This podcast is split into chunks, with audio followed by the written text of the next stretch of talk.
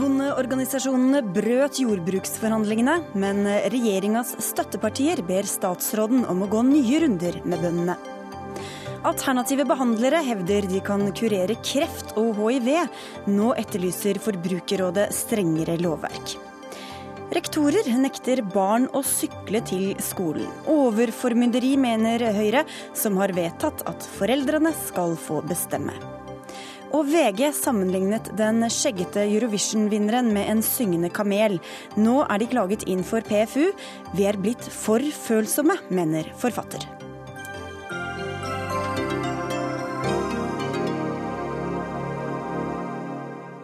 Og det var overskriftene i dagens Dagsnytt 18 på NRK P2 og NRK2. Jeg heter Sigrid Solund.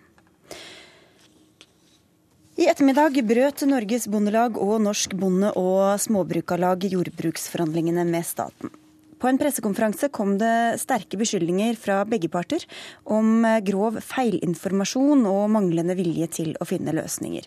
Nå sender regjeringa statens tilbud til Stortinget.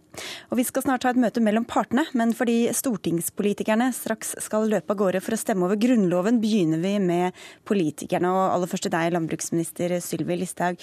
Nå sender dere altså stat, eh, statens forslag over til Stortinget. Hva forventer du at skal skje der?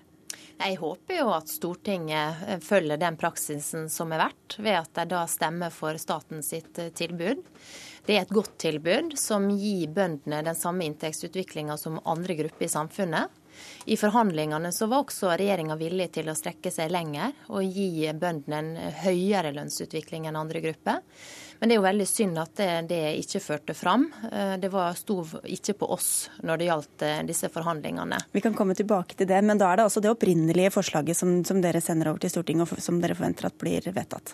Ja, vi kommer til å sende til Stortinget et uh, tilbud som er basert på det, nei, en proposisjon som er basert på det tilbudet. Pål Farstad, du sitter i næringskomiteen for Venstre. Hva mener dere bør skje nå?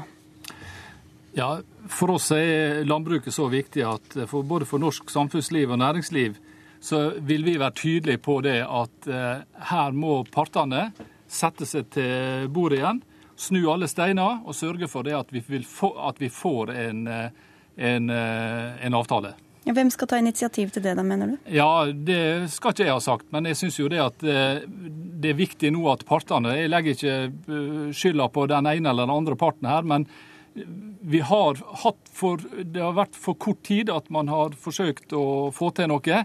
Og man må strekke seg langt.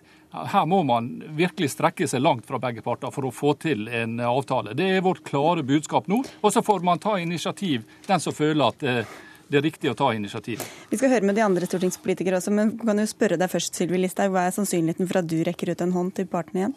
Ja, vår dør er åpen for uh, forhandlinger, men det er jo de partene som nå er valgt å brutt, nemlig bondeorganisasjonene som eh, da må snu og komme tilbake til forhandlingsbordet. Så du kommer ikke til å ta noe initiativ overfor dem? Som sagt, det er jo de som nå er valgt å bryte, slik at jeg regner med at de nå eh, registrerer den henstillinga som er kommet fra Venstre og Kristelig Folkeparti i dag, og vurderer om de ønsker å komme tilbake til forhandlingsbordet. I hvert fall så vil vår dør være åpen for det.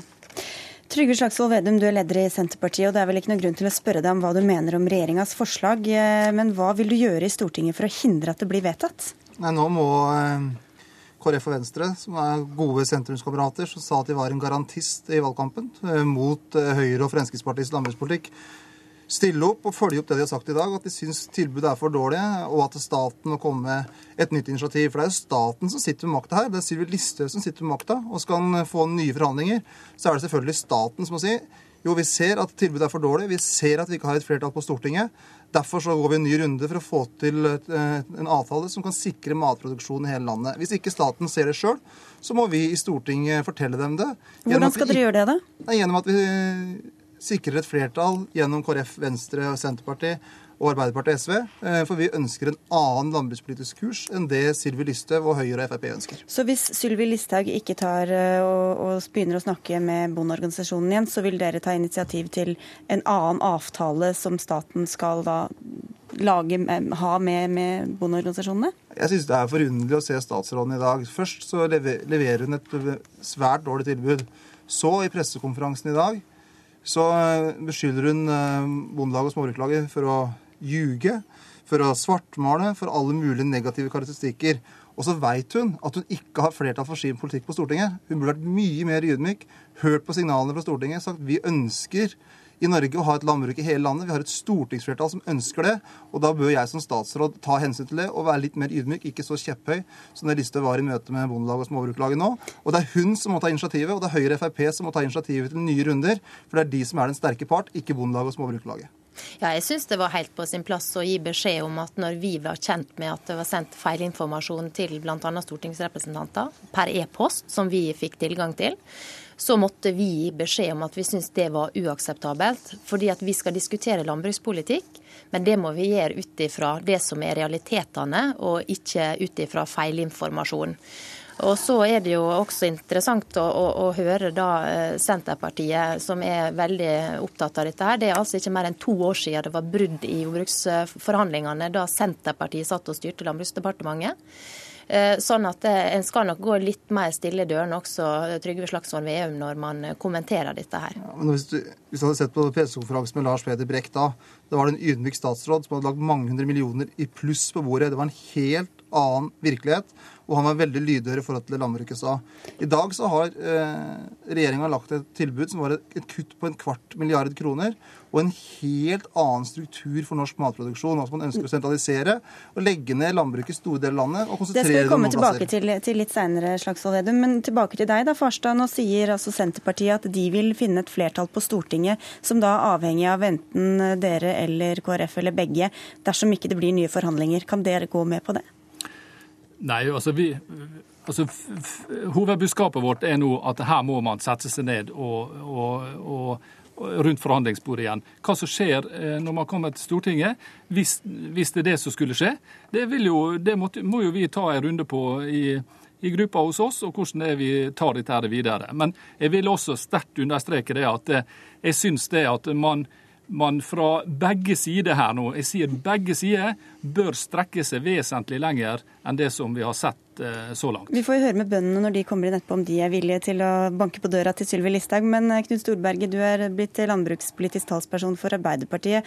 Og du, ditt navn, eller ditt parti, i hvert fall kom opp på pressekonferansen i dag, da Listhaug tok deg i hvert fall eh, til dels til inntekt for noe av den politikken hun fører. Hva ser du for deg at dere kan gjøre i Stortinget? Ja, jeg sitter her og tenker De facto så sitter vi jo faktisk på vippen i dette. slik at hvis det kommer et tilbud, så vil vi jo kunne avgjøre hele saken.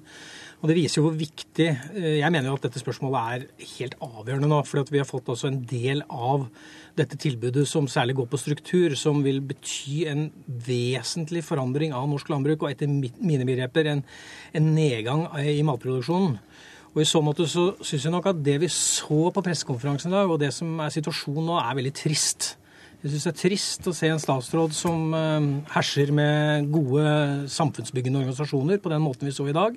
Det var ikke noe særlig tillitsvekkende. Det var beskrivelsen, ikke... men hva vil dere gjøre da? Jo, men Det vi, vi, har sagt er at kommer dette tilbudet eh, til Stortinget, og man ikke får forhandla noe videre Jeg vil jo berømme Pål Farstad fra Venstre hvis man klarer å få til eh, ytterligere forhandlinger. Men kommer det tilbudet til Stortinget, så må vi behandle det i vår gruppe. Vi har ikke tatt stilling til hvordan vi vil håndtere det. For vi har en sterk tradisjon og en respekt respekt for forhandlingsinstituttet, men samtidig så ser vi at det er betydelige utfordringer i forhold til struktur som gjør at vi er meget skeptiske. Mm. Og så må jeg jo si det at det er jo trist at regjeringen setter seg i en sånn situasjon hvor man eh, eh, kjører eh, brått ut med innholdet i landbrukspolitikken uten å ha flertall i Stortinget. Og nå ser vi også på prosess. Altså De som er støttepartier til denne regjeringen, altså Venstre og Kristelig Folkeparti, som er misfornøyd med den prosessen man faktisk nå er oppe i.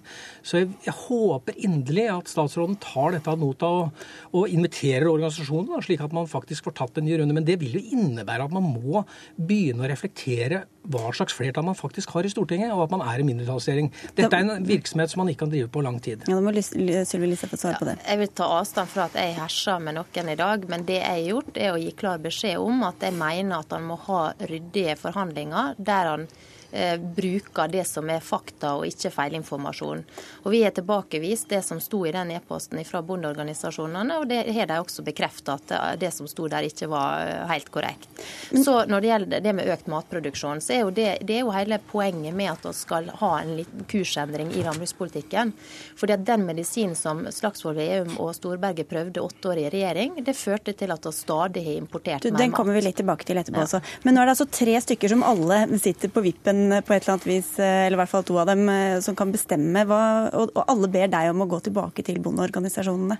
Ja, og som jeg sier, min dør er åpen. Men er det uaktuelt for deg å ta og gå til dem? Altså, Nå er det jo de som har valgt å bryte med staten. Er det et nei? Det er de som har valgt å bryte med staten, og derfor så mener jeg det er de som må avgjøre om de vil komme tilbake til forhandlingsbordet. Hvis så du kommer ikke til å gjøre det? Hvis de velger å gjøre det, så er de hjertelig velkommen.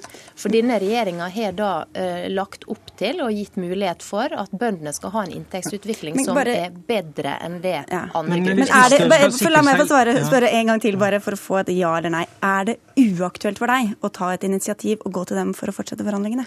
Jeg mener at jeg tar et initiativ her og nå ved å si det, at min dør er åpen. Men de har valgt å bryte, og det er altså de da som må eh, komme på bedre tanker og komme tilbake til oss og sette seg ved forhandlingsbordet igjen. Det men, men, tror ikke, men tror du ikke holder at bare døra er åpen? Jeg tror man nå må forlate den retorikken som går på hva som sto i hvilke e-poster og, og diskusjonen om hva som er sagt, og komme ø, til eh, forhandlingsbordet med reelt en endringsforslag til det som var statens opprinnelige tilbud. Altså Hvis man skal sikre seg gjennomføringskraft, som regjeringen er opptatt av, inn mot kanskje noe av det viktigste politiske området vi står overfor, nemlig å skaffe nok mat og være sjølforsynt, så vil det være viktig nå, sånn som også Pål Farstad er inne på, at man faktisk da eh, bidrar til fra begge hold at man må ta og gi, slik at man kunne få en konstruktiv løsning. Men, det, altså- men hva kommer dere til å gjøre da, Storberget? I Stortinget, er det aktuelt for dere å stemme ja til det forslaget som Sylvi Listhaug nå sender over til dere? Ja, Som sagt så er det noe vi skal behandle i vår stortingsgruppe. Der har vi motstridende hensyn i den forstand at vi ønsker at dette forhandlingsinstituttet skal eh, leve og, og være en viktig del av norsk landbrukspolitikk framover, faktisk. Og at det faktisk er regjeringens ansvar å sikre at vi får oppgjør som er både skaper forutsigbarhet og levedyktighet. Så vi vil komme tilbake til det, men jeg mener øh, jeg har påpekt at det er en bøyg i dette. Eh, og vi har jo sagt det veldig tydelig. Jeg oppfatter at Venstre, Kristelig Folkeparti, Senterpartiet og flertallet i Stortinget har også sagt det. Det er betydelige strukturelle utfordringer, og det er der jeg mener eh, statsråden nå må begynne å lytte. Og da må vi, ja, det er ok, Trygve Slagsvold Vedum og Pål Farstad etter det. Nei, Det er veldig viktig nå at altså Arbeiderpartiet har vært tydelig nå over tid at de ønsker en offensiv landbrukspolitikk. Eh, KrF har vært det, Venstre har vært det, vi har vært det. Og nå har vi et stort ansvar, vi partiene som har vært tydelige på det over tid at det ikke blir gjort til gissel av regjeringa sitt forslag. Vi må vurdere det på selvstendig grunnlag. Så er det det som er rett retning Men hva skjer da med det forhandlingsinstituttet som er så viktig for alle dere som sitter nede i stortingsstudio? Jo, men altså, det, er jo da, det er jo det som er det store paradokset. For statsrådene statsråden ønsker å avskaffe det forhandlingsinstituttet. Og forhandlingsinstituttet er ikke et verktøy for å bygge ned norsk matproduksjon. Det er et verktøy for å bygge det opp.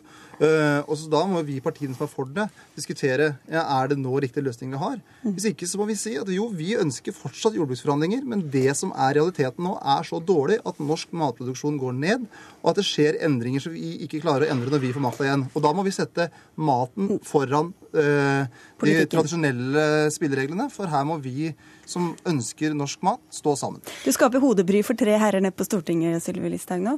Nei, altså det jeg har sagt er at vi er åpne for, eh, for, å gå videre med forhandlingene. Men det er men hva, da Hva gjør du hvis de finner ut av ting på egen hånd, da?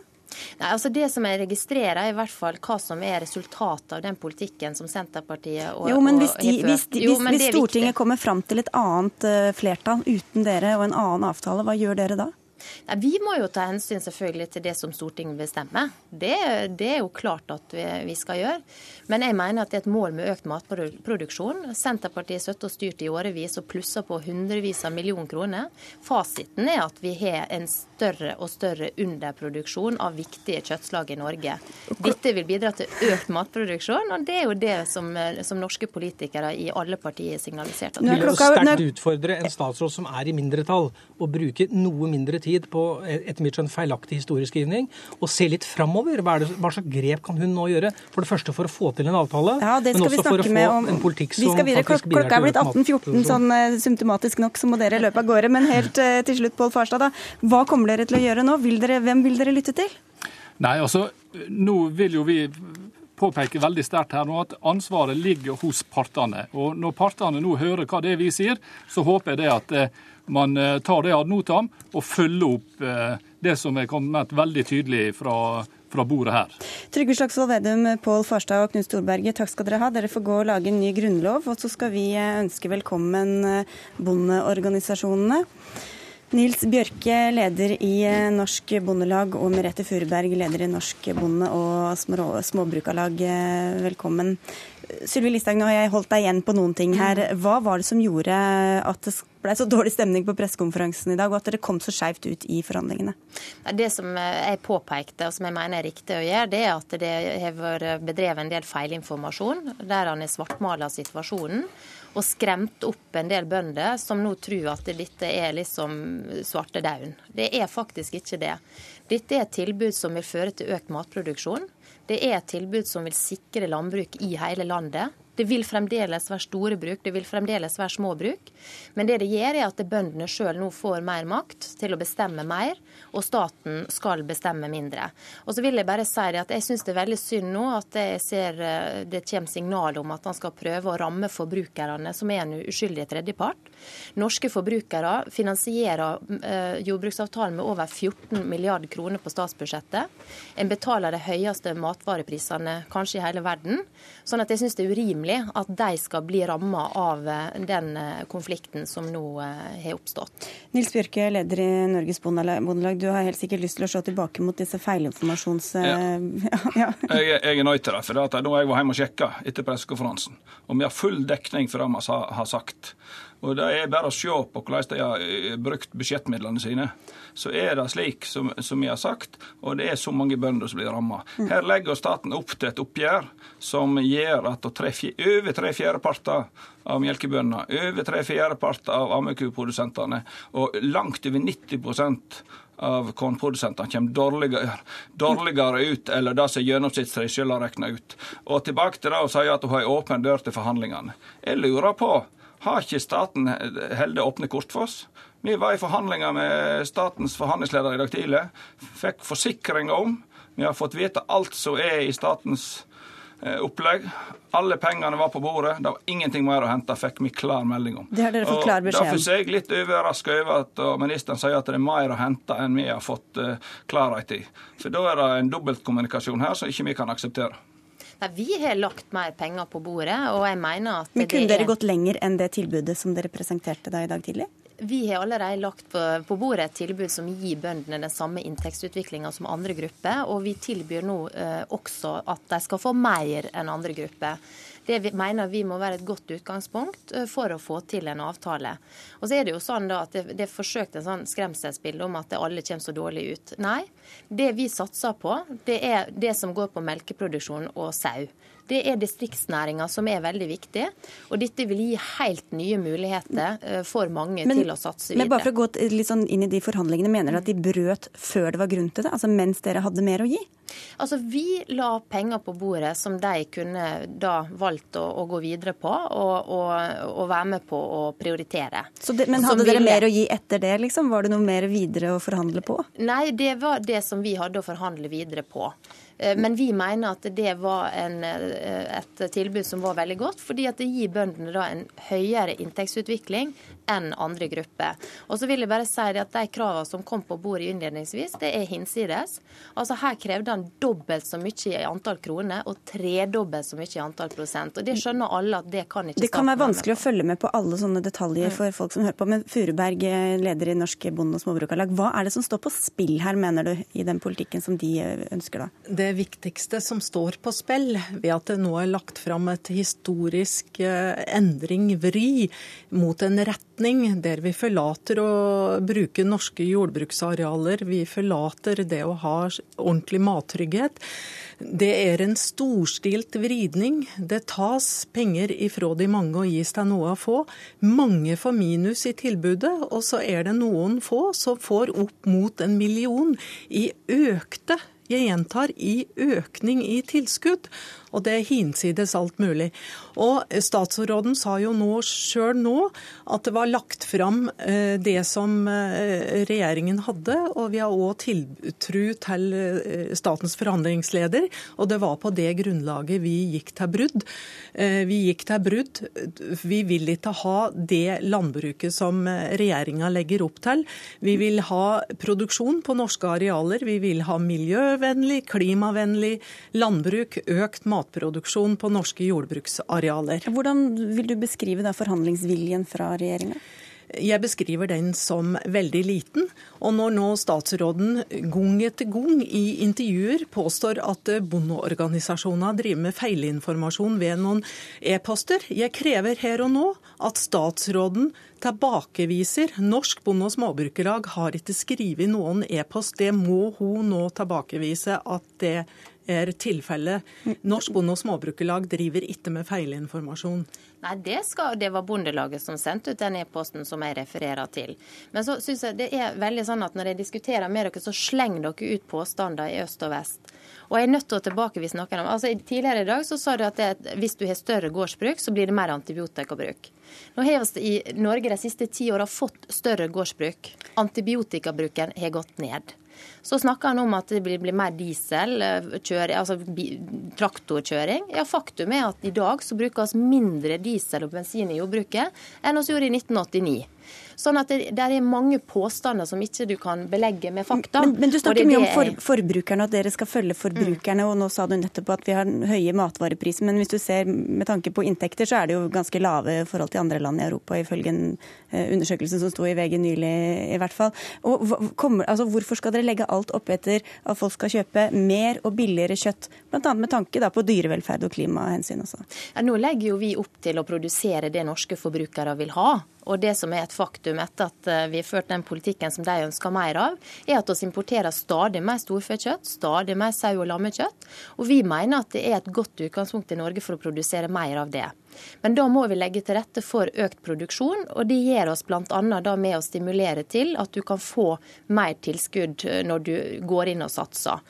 Eh, sånn at eh, Jeg syns det er mange påstander som ikke har helt rot i virkeligheten. Det er sånn at 80% av melkebrukene som er ryggraden i norsk landbruk, de kommer ut i pluss med dette opplegget. De produserer 90 Det er vanskelig å gå inn også for lytterne, sikkert. Ja, men, for det blir en sånn pingpong mellom dere her. Jeg er med på hva, hva som skjer i melkeproduksjonen.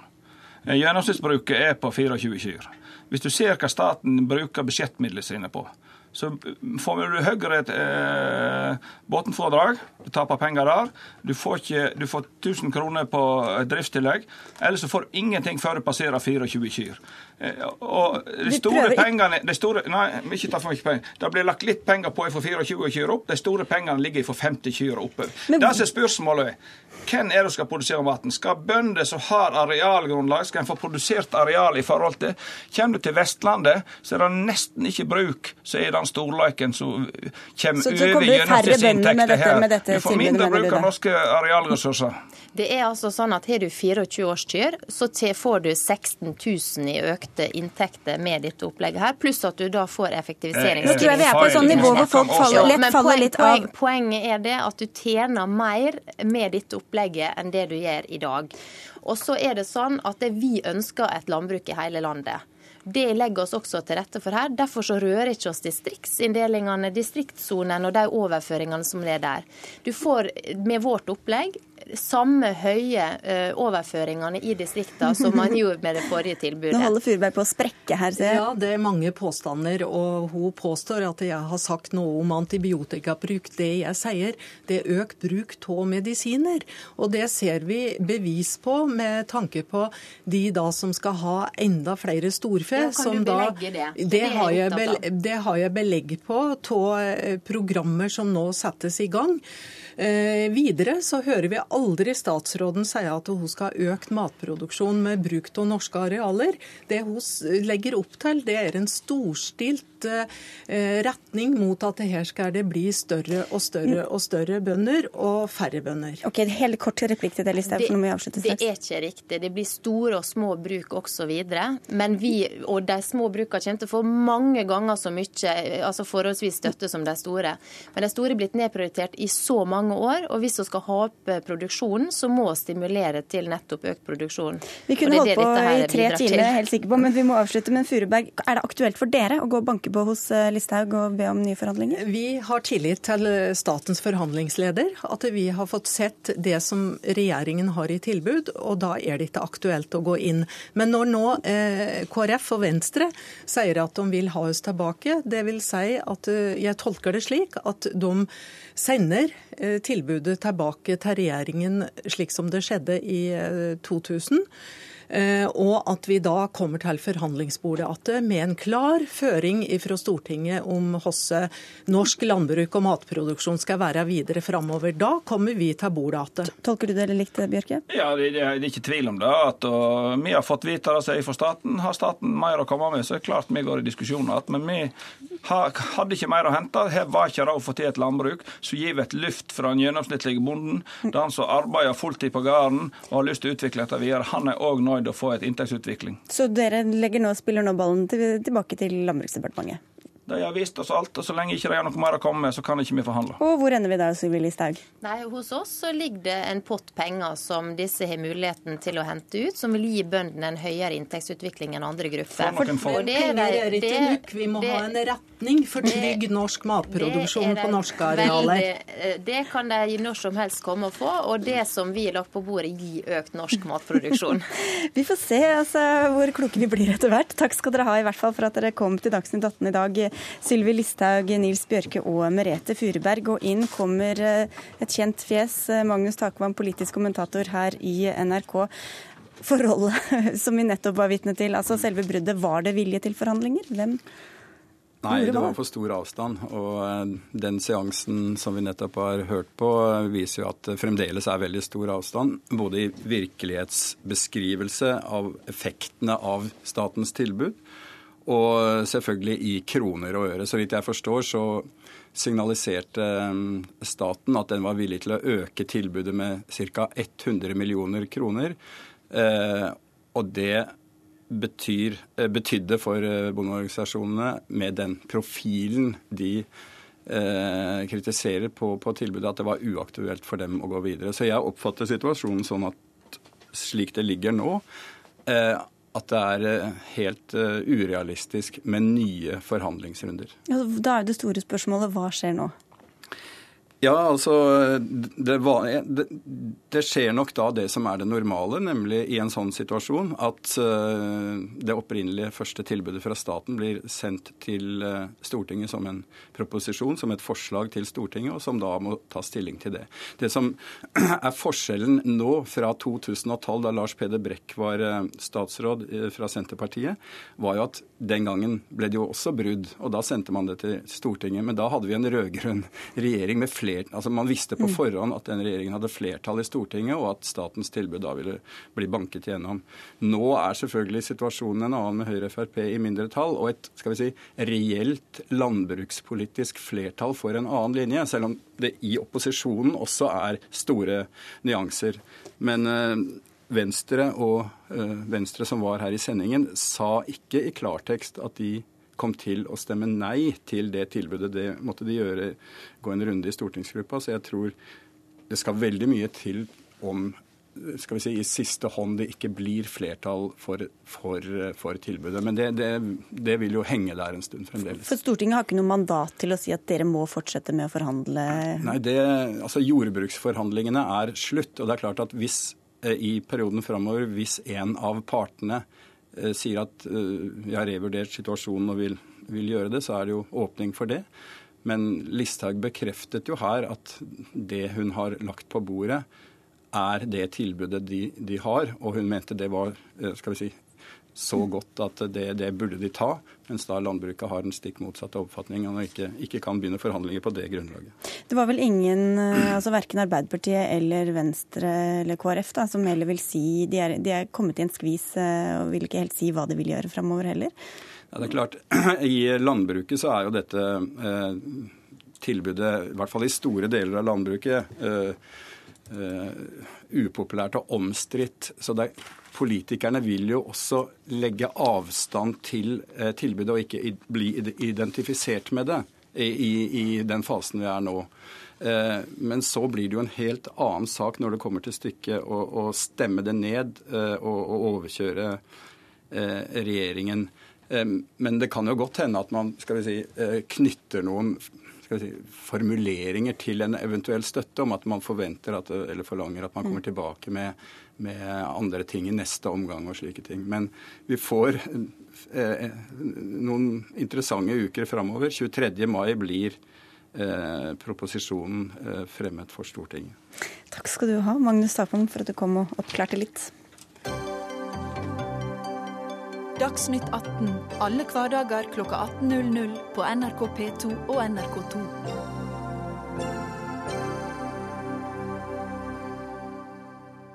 Tåler vi for lite i offentlig debatt? Det spør vi om snart, etter at en leder i VG har skapt store bølger i offentligheten. Men nå om barn og sykling. Rektorer bør ikke kunne nekte skolebarn å sykle til skolen, mener Høyre, som på landsmøtet sitt vedtok at dette bør være opp til foreldrene å bestemme. Mange skoler har regler som gjør at barn ikke har lov til å sykle til skolen uten foreldrene sine før de går i sjette klasse. Oliver Husøy, du er transportpolitisk rådgiver i Høyre og vararepresentant fra Sør-Trøndelag, og er nå pisket inn fra Linda Hofstad Helleland, som måtte inn i stortingssalen for å votere. Men ja. velkommen. Takk skal du ha. Det er nok en gang er det eh, voteringen kommer på heldige tidspunkt for oss rådgivere også. Hvorfor skal ikke skolene få bestemme hva som er best i deres tilfelle, syns dere? Altså, vårt mål for å ta det først, er jo at flere barn skal sykle til skolen. Det er bra for folkehelsa i et langsiktig perspektiv, og det er bra ikke minst for læringa til elevene. Eh, at det har vært aktivitet tidligere på dag. Eh, og da er det to ting som er, veldig viktige. Det er at man har tryggere skoleveier. Eh, derfor så vedtok vi også belønningsordning for gang- og sykkelveier. At man skal prioritere sykkelveier til skolen når man skal bygge nye sykkelveier. Og så må barna få lov til å sykle til skolen, da. Uh, og da er vi jo på, på saka. Mm -hmm. uh, og da ser vi jo det at det er mange skoler i dag som uh, nekter barna sine å sykle før de er 10, 11, 12, opptil 13 år. Det har vi blitt kontakta om i dag. og da er vårt poeng at det er foreldre som er best skikka til å ta avgjørelsen om deres sine barn sykler godt nok og er modne nok Eh, til å sykle på den skoleveien som deres barn har. Mm. Morten Halling, du er rektor ved Barhaug barneskole på Vinstra, og du engasjerte deg i denne debatten i kommentarfeltet på nrk.no i dag. Hva syns du om dette forslaget om at det bare skal være foreldrene som bestemmer? Uh, mitt utgangspunkt for å blande meg inn i debatten, det, det var egentlig overskriften uh, som sier at Høyre vil ha slutt på at rektorene kan melde seg, uh, kan nekte barna å sykle til skolen. Eh, det er jo ikke slik det fungerer. Eh, vi som rektor sitter tross alt ikke som eneveldige konger og bestemmer alt på skolen. Eh, så våre regler er bestemt i skolen sitt samarbeidsutvalg, som er satt sammen av bl.a. foreldre og ansatte på skolen og elever. Så her har vi i fellesskap kommet fram til en regel vi praktiserer på vår skole. Og Hva hvis foreldrene da ikke forholder seg til det, men syns at barna skal få sykle selv, om, selv der hvor det ikke er greit? Eh, det har egentlig ikke vært noe problemstilling. for at uh, Regelen kom vel egentlig fram for en god del år siden nettopp uh, på initiativ fra foreldre, som gjerne ville ha en sånn regel på vår skole. At vi gjerne vil følge Trygg Trafikk sine anbefalinger om at Barn bør være en ti-tolv år før de sykler alene i blanda trafikk. og det, det, er det som er bakgrunnen for uh, våre regler. Men Husøy, skal da alt være opp til hver enkelt forelder i hvert enkelt tilfelle? Uh, I utgangspunktet så, så, er det jo foreldre som, som må kunne bestemme det her best uh, sjøl. Uh, og så må jeg understreke at det er ulike praksiser på ulike skoler. Nå høres det ut som at man har en litt, litt løsere prak... Altså en, en litt mer omforent praksis på Vinstra enn man har uh, en del andre steder som vi hører om. Uh, men uh, vårt poeng er at det er foreldre som, som skal kunne ta den avgjørelsen. og da ser jo da an hvor flinke barna sine er til å sykle, hvor godt det trives i, i trafikken og hvor, hvor oppmerksom det er. Og så ser de an den enkelte sykkelveien. Det mange rektorer sier når eh, de blir spurt om hvorfor ikke de lar barna sykle til skolen, er jo at de henviser til Trygg Trafikk og til, mm. til rådgivning derfra. Og Du er kommunikasjonssjef der, Kristin Øyen. og Hvem mener du bør bestemme om barnet er modent nok eller ikke? Vi mener jo at det riktige er på mange måter sånn som det beskrives fra Vinstra skole, at det bestemmes i samarbeid mellom skolen og foreldrene at man vurderer trafikkmiljøet rundt den aktuelle skolen og blir enige om når det er, eh, er, riktig å la barna sykle, eller fra hvilket alderstrinn man kan gjøre det. da. Og kanskje vil det være litt forskjellig avhengig av hvor du bor i forhold til skolen, til og med, fordi du har forskjellig skolevei. Men hva er farene da, hvis bare foreldrene skal få bestemme for hvert enkelt barn? Nei, jeg tror at eh, det er, alle, det er ikke like lett for alle foreldre å vurdere det. Jeg har selv barn på en sentrumsskole i Oslo, hvor det er en ganske blanda elevgruppe. Eh, og jeg tenker at eh, der er det mange som, ikke, som, har foreldre som aldri sykler selv, og som ikke sykler sammen med barna sine, og som vanskelig vil kunne vurdere det. Så jeg tenker at det er en fin ting ja, at skolen tar et sånn felles ansvar for alle barnas sikkerhet, da, og ikke bare for sånn som meg som sykler mye sammen med min tiåring. og Det skjønner jeg jo at Linda Helleland også gjør. Men det gjelder ikke alle. og Når skolene sier at eh, når vi har gitt sykkelopplæring og barna tar sykkellappen fra f.eks. fjerde eller femte trinn, da kan de begynne å sykle til skolen. Eh, og selvfølgelig så bør man snakke om det i eh, de rådsorganene som skolen har. Mm. Men vi syns på mange måter at det er den ideelle måten å gjøre det på. Hvordan, hvordan vet du at foreldrene tar de beste avgjørelsene og de mest kvalifiserte avgjørelsene i ethvert tilfelle? Eh, det handler jo om at eh, vi i hvert fall eh, har, har den troa til foreldre, som tross alt er mest sammen med, med barna sine og særlig ute på slike aktiviteter. Men altså, vi er veldig for det, at man, at man gir retningslinjer for, for, barn på skoler som foreldre sjøl er med på å utarbeide. men så bør det jo også være åpning for at det er foreldre som mener at man skal kunne gjøre noe annet enn det, eh, enn det om ikke retningslinjene anbefalingen. Eh, de skal kunne velge det. Det er forskjellige skoleveier. Noen har tryggere veier fordi man bor riktig plassert på sida av motorveien, eller hva det måtte være. Og da tror vi det er feil at man skal ha helt låste regler. Men klart hvis alle foreldre på skolen syns at det er greit, så er jo det selvfølgelig greit. Eh, men, eh, men hvis noen er uenig, så må de kunne ta saken i egne hender, da? Ja. Hmm. Hva, hva syns du om det forslaget? da?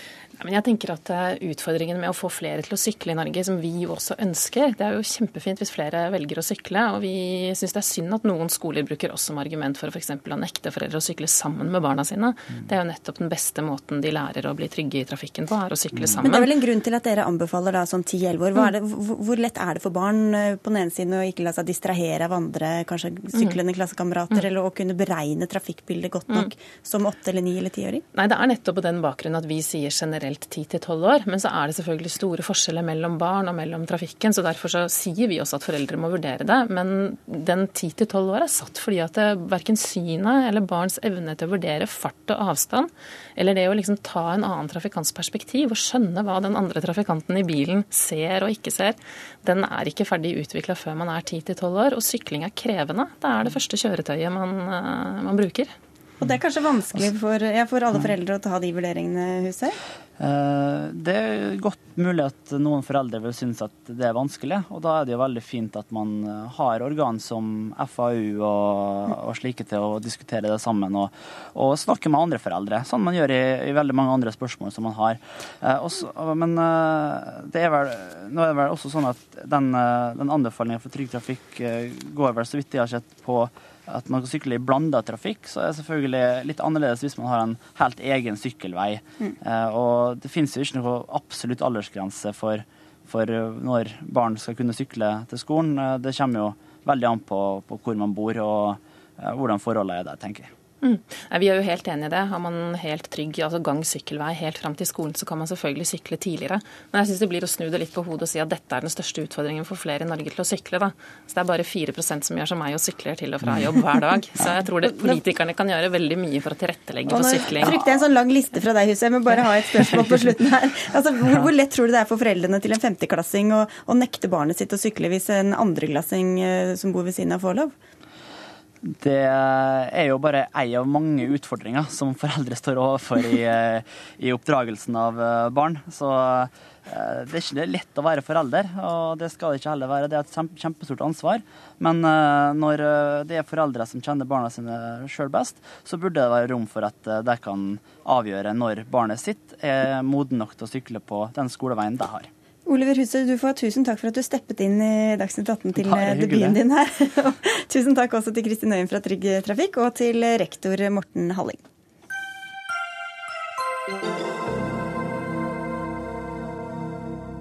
Forbrukerombudet etterlyser strengere tilsyn for å stanse useriøse aktører innen alternativ medisinbransjen.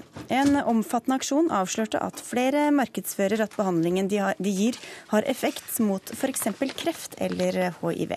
Slik markedsføring er forbudt, men det er ingen kontroll av behandlingen som gis. Og fagdirektør hos Forbrukerombudet Tonje Hovde Skjelbostad, nå etterlyser dere altså bedre kontroll på alternativmarkedet. Hvorfor er det behov for det?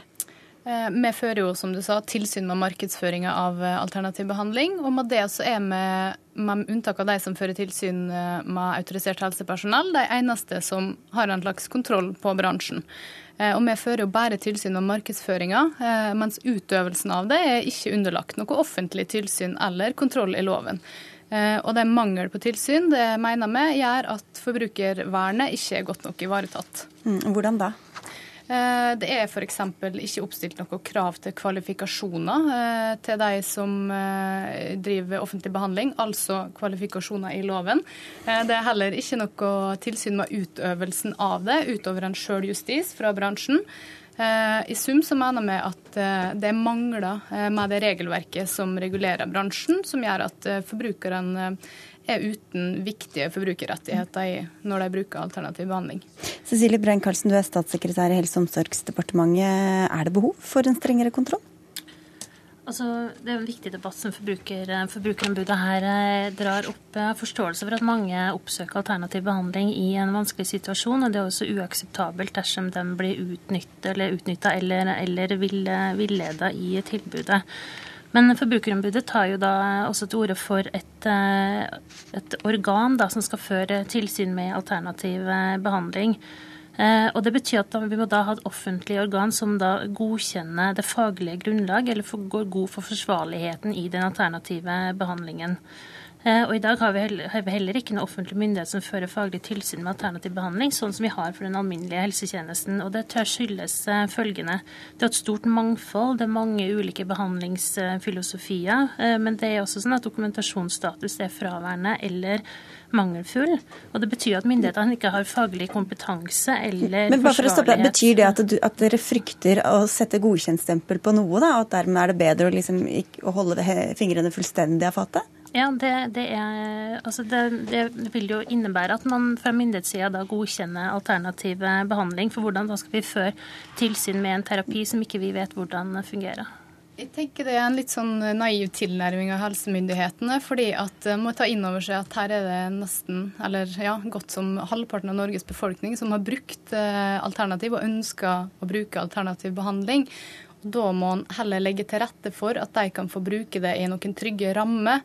Um, og det med å diskutere dokumentasjon, ikke dokumentasjon, hva som gjør at alternativ behandling er faktisk alternativ, det er jo et veldig følsomt tema.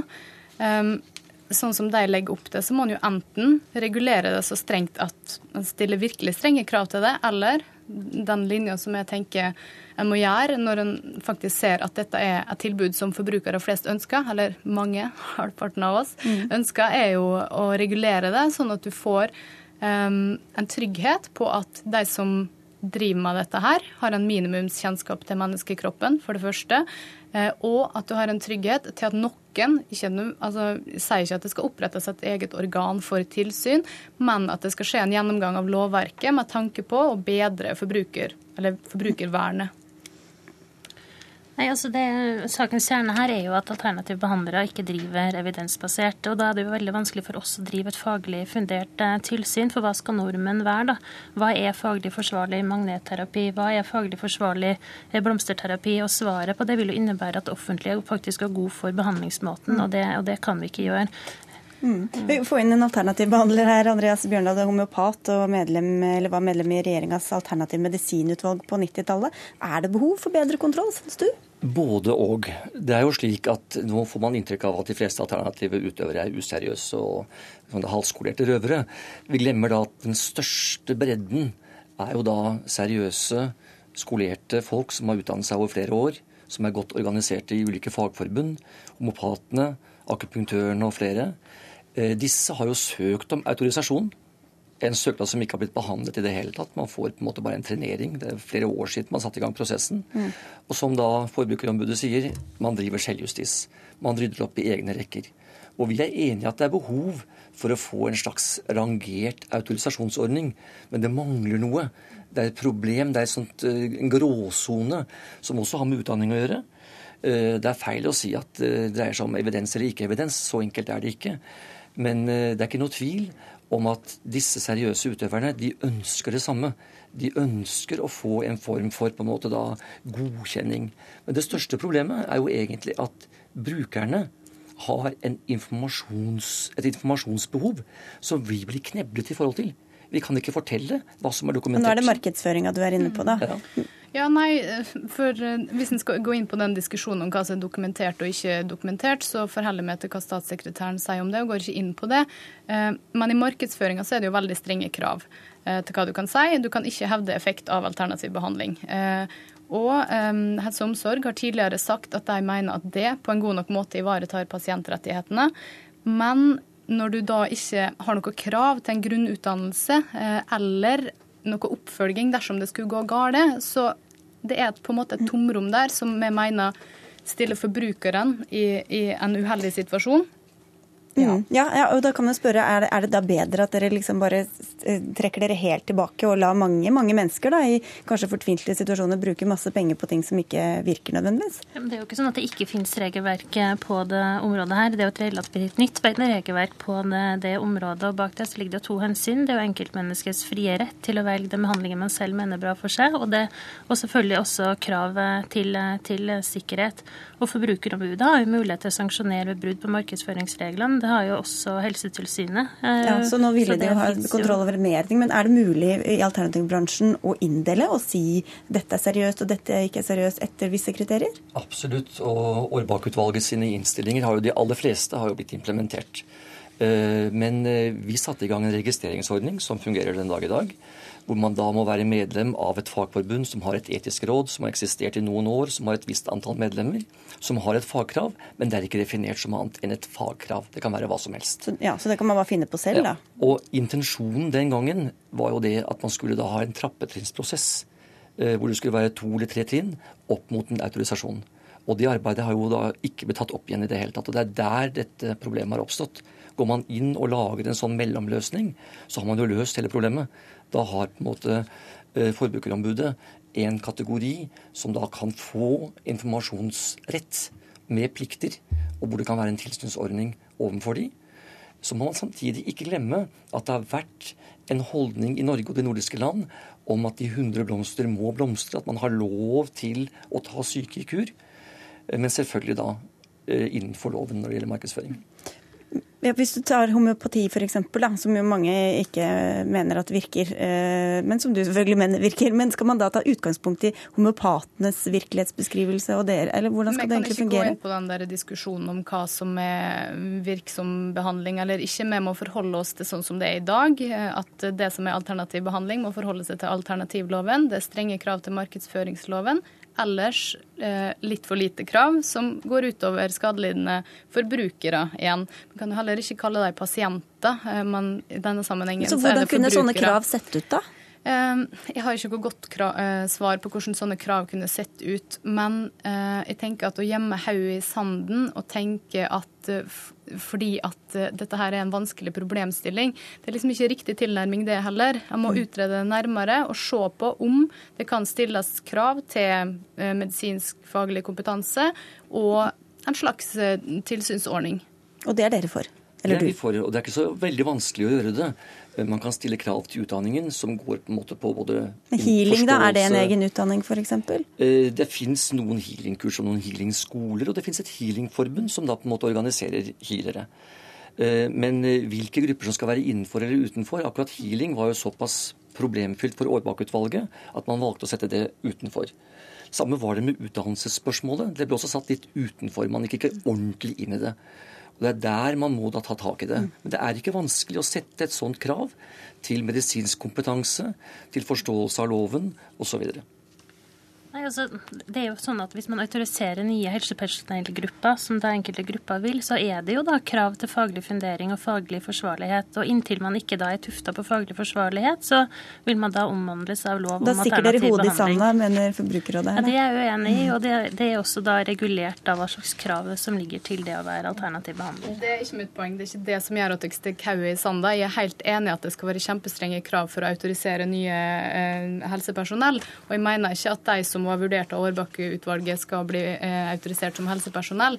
Men med å ikke gjøre noe, så er det jo per i dag halvparten av Norges befolkning som mottar behandling fra alternative behandlere som ikke er underlagt noen som helst slags krav. Og det er på en måte dagens situasjon. Og der eh, tenker jeg at det må tenkes lure tanker for å bedre Vi må ikke glemme at forbrukere av 2014 er oppegående mennesker med akademisk bakgrunn, de aller fleste. De googler, de søker, de er ute etter å søke informasjon. Det er mye rart på Google, for å det, si det det sånn. er det, men de fleste i dag er veldig kritiske og er oppegående mennesker. Og det blir ikke noe mer eh, nye regler fra dere i Helsedepartementet, Vi det mener regelverket er godt nok sånn som det er. Tusen takk i hvert fall for at dere kom til Dagsnytt 18 og debatterte det her. Hør Dagsnytt 18 når du vil. Radio NRK NO.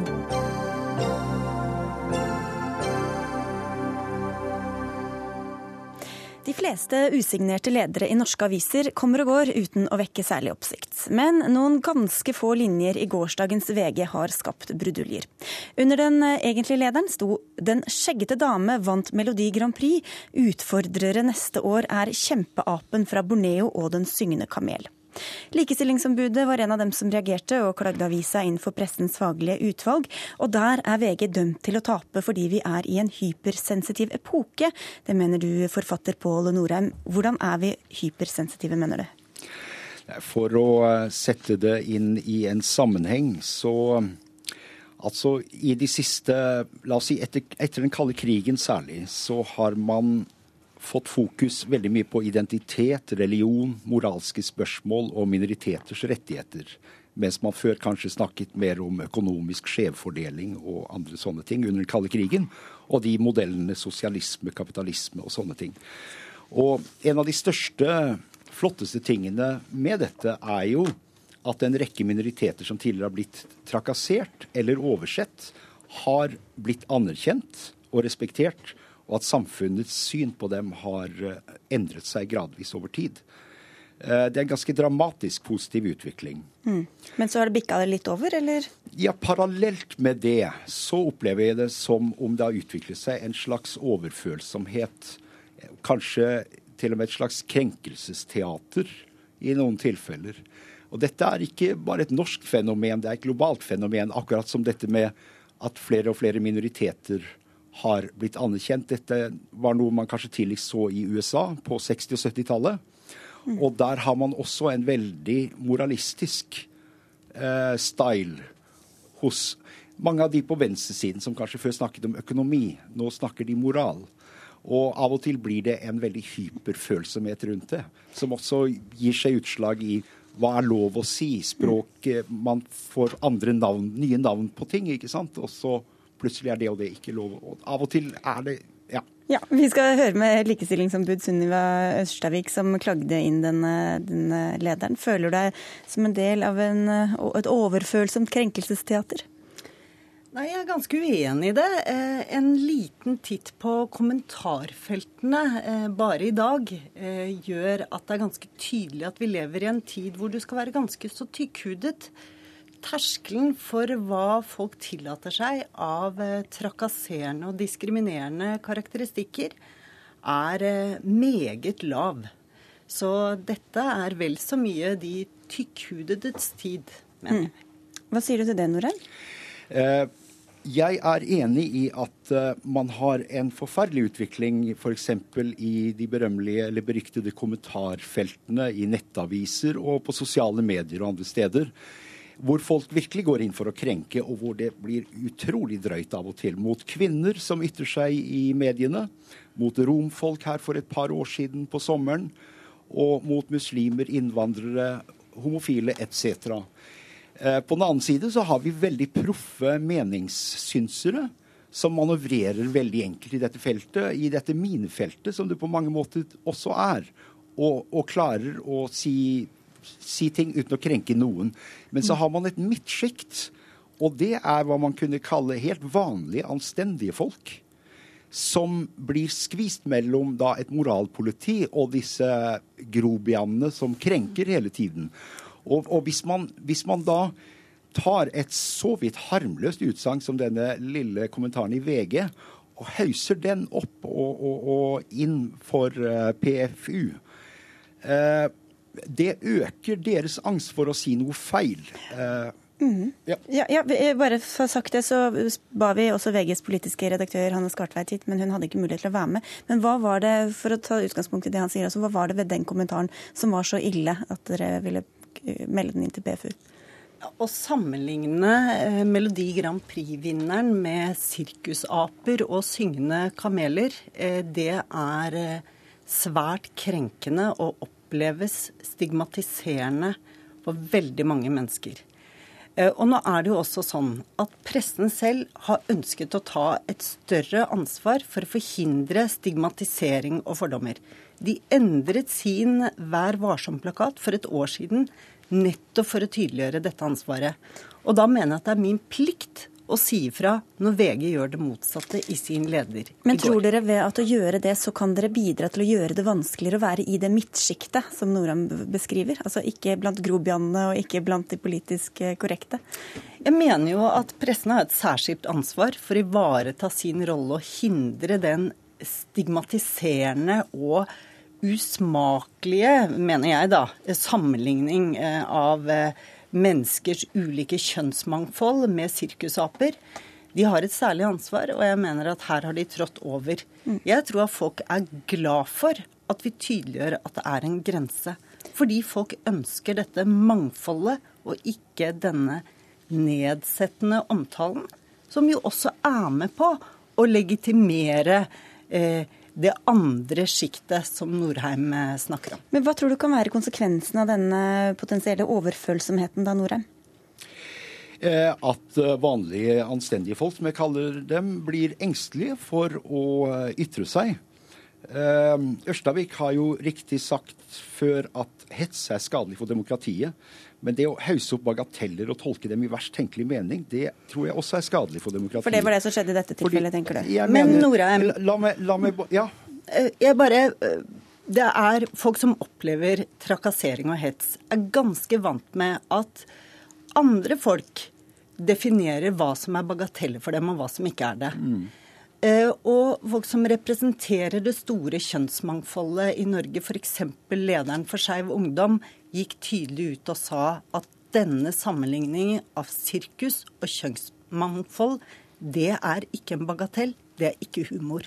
Og jeg er litt opptatt av at vi skal lytte til folk som opplever trakassering og diskriminering, før vi går oss inn og setter oss til dommer over hva som er en bagatell, og hva vi må tåle så inderlig vel ja, jeg lytter til dem, og selv var jeg blant de som heiet på Conchita Wurst. Jeg bruker verken å lese for å si som sant er ledere i VG, eller, uh, eller se på Melodi Grand Prix, men i, i, år gjorde jeg begge deler. Og eh, dagen før den VG-lederen så husker jeg at jeg sa på Facebook at det nettopp var den sirkusestetikken som jeg likte ved Melodi Grand Prix i år. At de tok den helt ut fra mm. kitsch. Ikke bare over i camp, men i sirkus. Og særlig da den østerrikske vinneren som brukte, slik jeg så det, sirkusets visuelle språk for å ramme homofobien i solar plexus. Og det var slik jeg oppfattet eh, VGs kommentar, uten å reagere den, som en kommentar, ikke en sammenligning av en transe eller en som menn av sirkusaspektet, ikke sant? Så kanskje dere misforsto der, da, Ørstavik?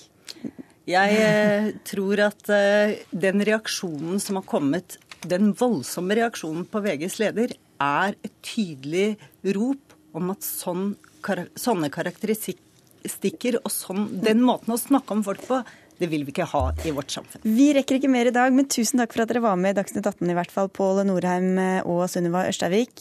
Bjørn Atle Gildestad var ansvarlig for sendinga, Karl Johan Rimstad var tekniker, og jeg heter Sigrid Solund.